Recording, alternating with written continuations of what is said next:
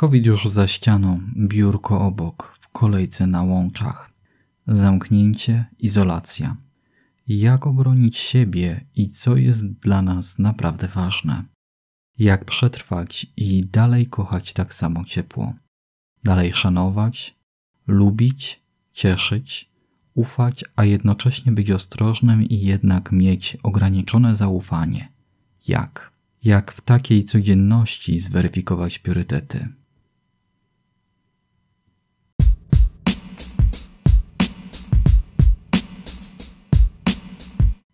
Kwarantanna umysłu, czas duszy. Tekst Izabeli Zogi czyta Tomasz Sierpiński. Co jest teraz inaczej? Jak bardzo przestają mieć rację bytu świat mody, plotek i show biznesu. Inne głupoty, inne troski, inne urojenia. Lęk, który zaczyna tykać też tych maluczkich, beztroskich szkolniaków, gasząc beztroskę jak płomień świecy. Hmm. Jak się ochronić? Jak dać duszy oddychać w nowej codzienności? Może nowej na zawsze. Jak obronić siebie i to, co jest dla nas naprawdę ważne.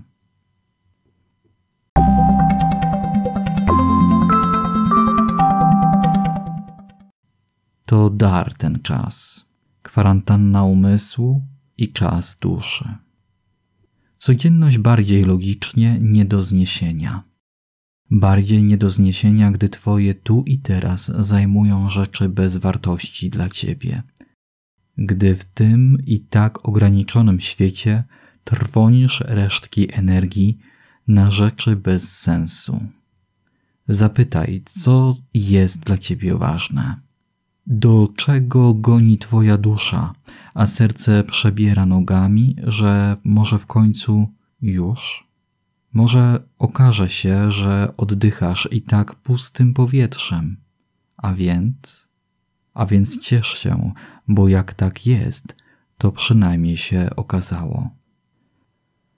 Przynajmniej Twoja skawana dusza jest z Tobą teraz i możesz ją utulić. Teraz możesz, wreszcie możesz. Teraz jest ten czas.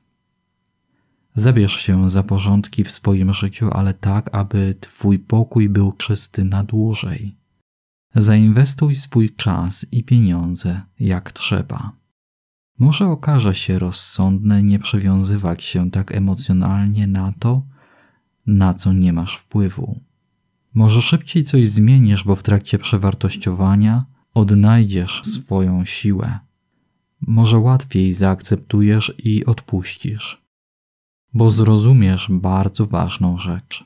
Choć nie umiesz ograniczyć czasu na rzeczy nie tak ważne, a konieczne, nawet kilka minut w pełnej jakości dla tego, po co żyjesz, da ci więcej tlenu niż próżne hobby w czasach wolności.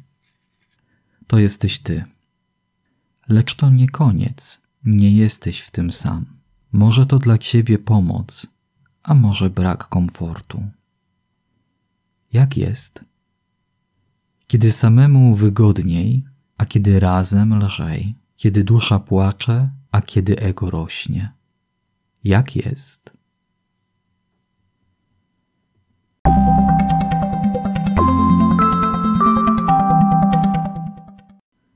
Jesteśmy społeczeństwem płaczących dusz, ludzi z wielu różnych środowisk o różnych poglądach i temperamentach, dlatego relacje oparte na wspólnym zaangażowaniu w praktykę i wspólnym ideale są tak trudne. Nie chcemy opuścić społeczności i trudno też prosić innych o odejście. Sangharashitka w przewodniku po buddyjskiej ścieżce podpowiada – Pozostaje nam tylko zrozumieć, że to, co nas połączyło, jest o wiele ważniejsze od tego, co nas dzieli. Nawet w obliczu przykrych doświadczeń, komunikować się w oparciu o to, co jest nam wspólne i ważne. Wspólnota z poziomu serca okazuje się jedyną możliwą, Reagowanie na siebie nawzajem z witalnością i otwartością w oparciu o wspólny ideał, wspólne zasady to wspólne zagłębienie, eksplorowanie świata przez ludzi całkowicie uczciwych wobec siebie nawzajem i będących ze sobą w pełnej harmonii. Brzmi niemożliwie? W buddyzmie poziomy komunikacji, tak zwaną właściwą mowę, opisuje się jako prawdziwą, serdeczną, pomocną i niosącą zgodę. Jaka jest właściwa mowa, gdy jest szczera? Zgodna z faktami, zgodna z tym, co naprawdę myślimy, co naprawdę wiemy. Pytanie jednak, czy wiemy, co myślimy? Na ogół, gdy mówimy prawdę, albo kiedy myślimy, że mówimy prawdę, powtarzamy tylko to, co słyszeliśmy lub czytaliśmy, ale czego w istocie nie zrozumieliśmy, nie przyswoiliśmy. Oznacza to często, że musimy uporządkować swoje poglądy i zacząć myśleć jasno i klarownie, być bardziej świadomymi siebie. Skąd czerpiesz swoje wiadomości? Gdzie jest Twoje źródło?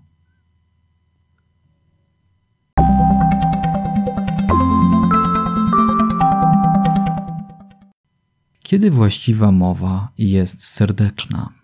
Kiedy wyraża miłość, czyli kiedy zwracamy się z pełną świadomością do osoby, do której mówimy.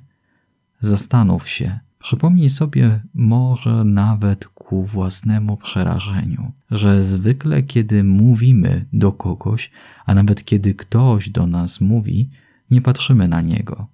Czy jesteśmy świadomi drugiej osoby? Na ogół postrzegamy ją przez własne emocjonalne reakcje na nią. Zwykle nie docieramy do rdzenia samej osoby, ponieważ nie jesteśmy jej świadomi, nie widzimy jej takiej, jaka jest. Jeśli w ogóle nie kontaktujemy, nie kontaktujemy się tylko z tym, co projektujemy na tę osobę.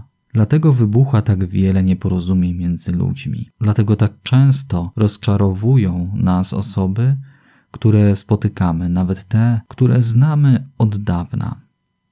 Nie jesteśmy świadomi ich samych, ani nie kontaktujemy się z nimi, a tylko z projekcjami własnych emocji i umysłu. To część nas, których samych w sobie nie akceptujemy, i czas, by je utulić. Czy jesteś świadomy drugiej osoby? Czy jesteś świadomy siebie? Kiedy ostatni raz witałeś kogoś tak naprawdę serdecznie?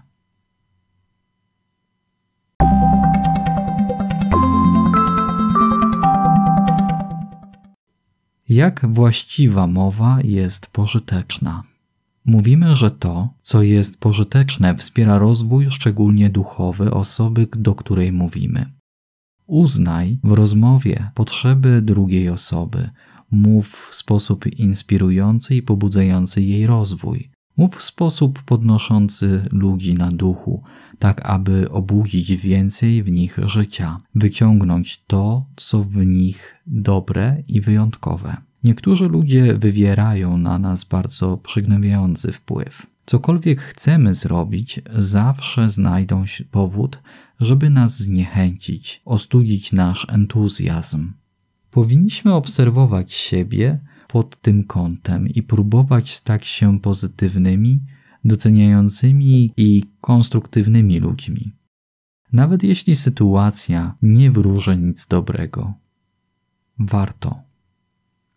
Kiedy okazałeś komuś szczere uznanie? Kiedy ostatni raz byłeś wdzięczny, a może codziennie wieczorem napiszesz za co dziękujesz w tym dniu?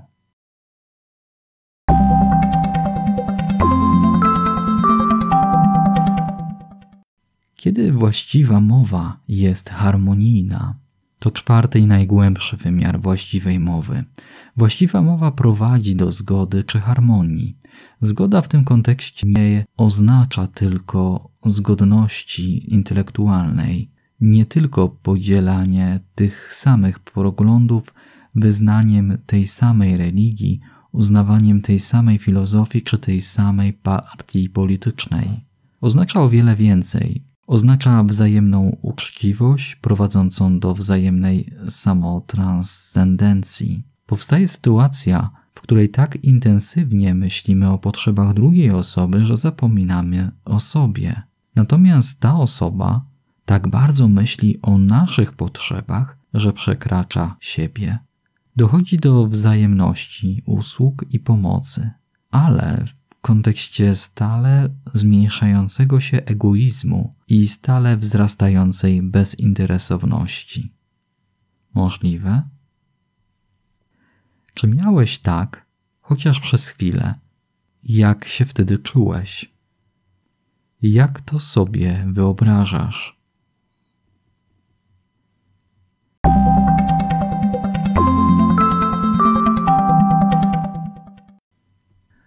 Komunikację miłości i współpracę bezinteresowności rozumie Sangharak Kishta w ścieżce buddyjskiej. Co z tego weźmiesz dla siebie dzisiaj? Jeśli uznasz, że warto, stwórz lepsze teraz i dziś, a zmienisz jutro. Nikt tego nie zrobi za ciebie.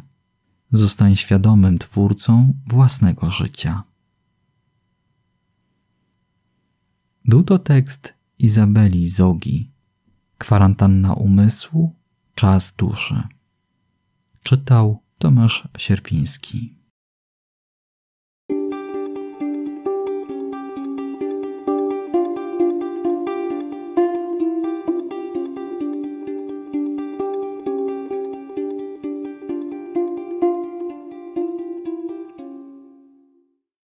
Zainteresował Ciebie ten temat i potrzebujesz porozmawiać z ekspertem? Skorzystaj z poradni lidera Fundacji Graosens.